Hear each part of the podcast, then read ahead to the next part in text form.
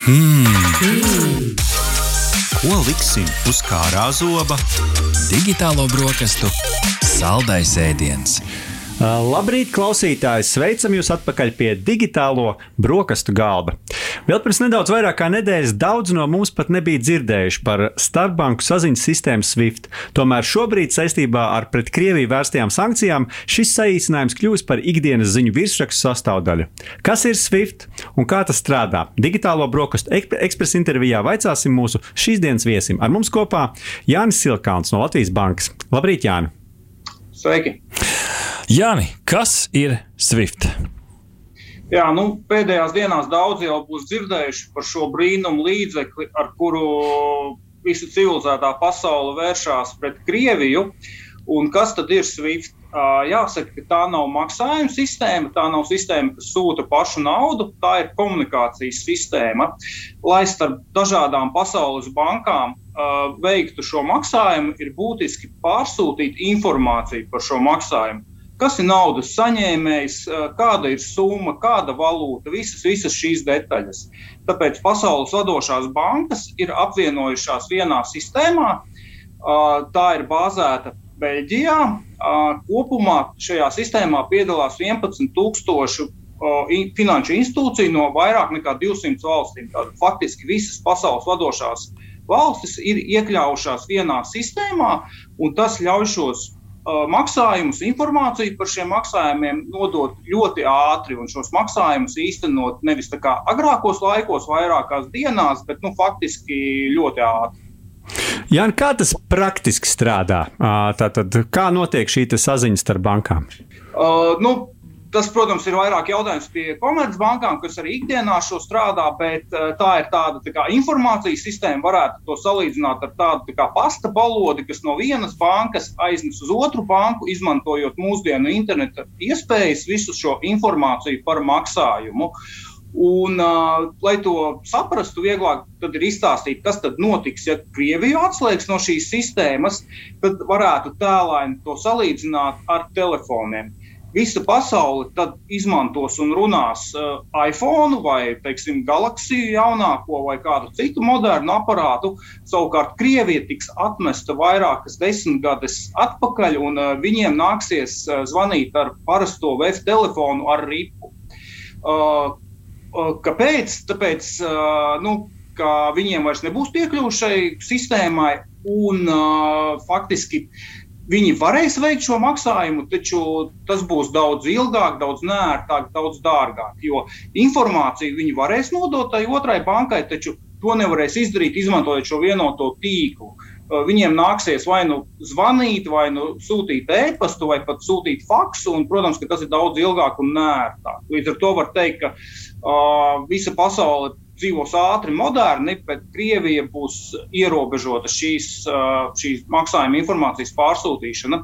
Jautājums ir, vai vispār tiks nogriezti no šiem maksājumiem? Nē, ja Krievijas banka nav sankciju sarakstā, tad tā var veikt, veikt maksājumu. Vienkārši tas nu, Krievijai būs daudz, daudz nērtāk un apgrūtinošāk.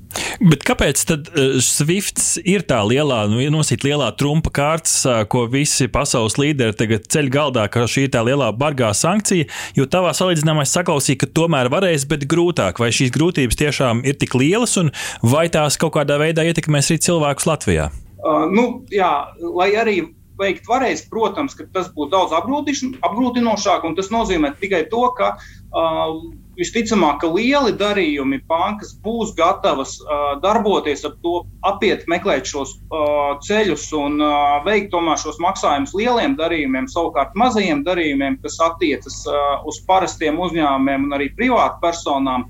Uh, tur šī, šī sadarbība būs nu, vai nu vispār neiespējama, vai arī no, ļoti, ļoti apgrūtināta. Uh, Un, nu, jāsaka, tā, ka daudzi dzirdējuši, ka arī Krievija nav sēdējuši.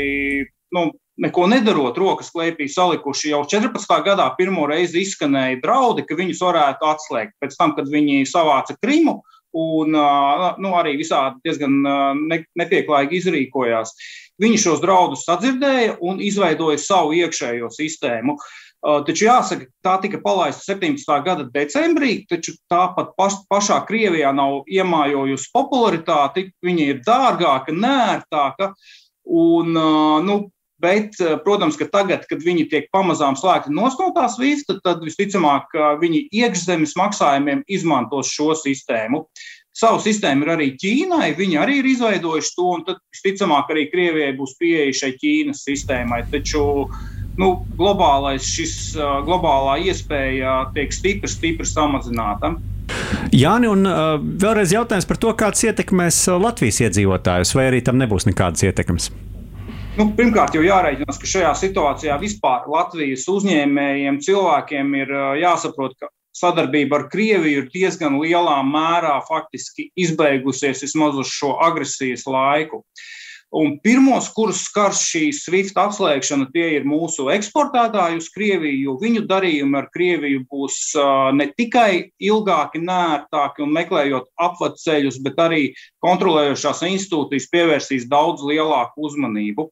Tāpat ir dzirdēts arī par Krievijas pensionāriem, bet tur ir jāskatās, kādā valsts līmenī tiks risināta šī problēma. Viņiem šo Krievijas pensiju skaita reizi trīs mēnešos, un nākamā reize, kad Latvijai jāsaņem šī Krievijas nauda, ir maijā. Tur vēl kaut kāds laiciņš ir, lai meklētu risinājumu.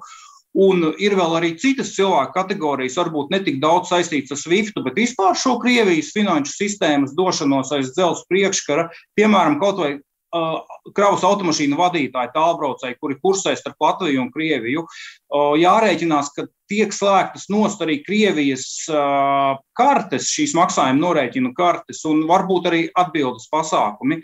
Tas nozīmē, ka, ja cilvēkam ir plānots kaut kāds darba brauciens uz Krieviju, tad būtu prātīgi paņemt saprātīgu, nelielu skaidrās naudas daudzumu līdzi. Tas palīdzēs norēķināties un nepalikt bez naudas. Paldies! Ar mums kopā bija Jānis Silkāns no Latvijas Bankas, un mēs uzzinājām vairāk par SWIFT sistēmu. Aha! Paldies, ka noklausījāties mūsu līdz galam! Ja patika, uzspiediet laiku, atstājiet komentāru vai padalieties ar draugiem. Un nobaudiet arī citas epizodes, kā arī sekot mums, lai nepalaistu garām savu ikdienas tehnoloģiju ziņu devumu.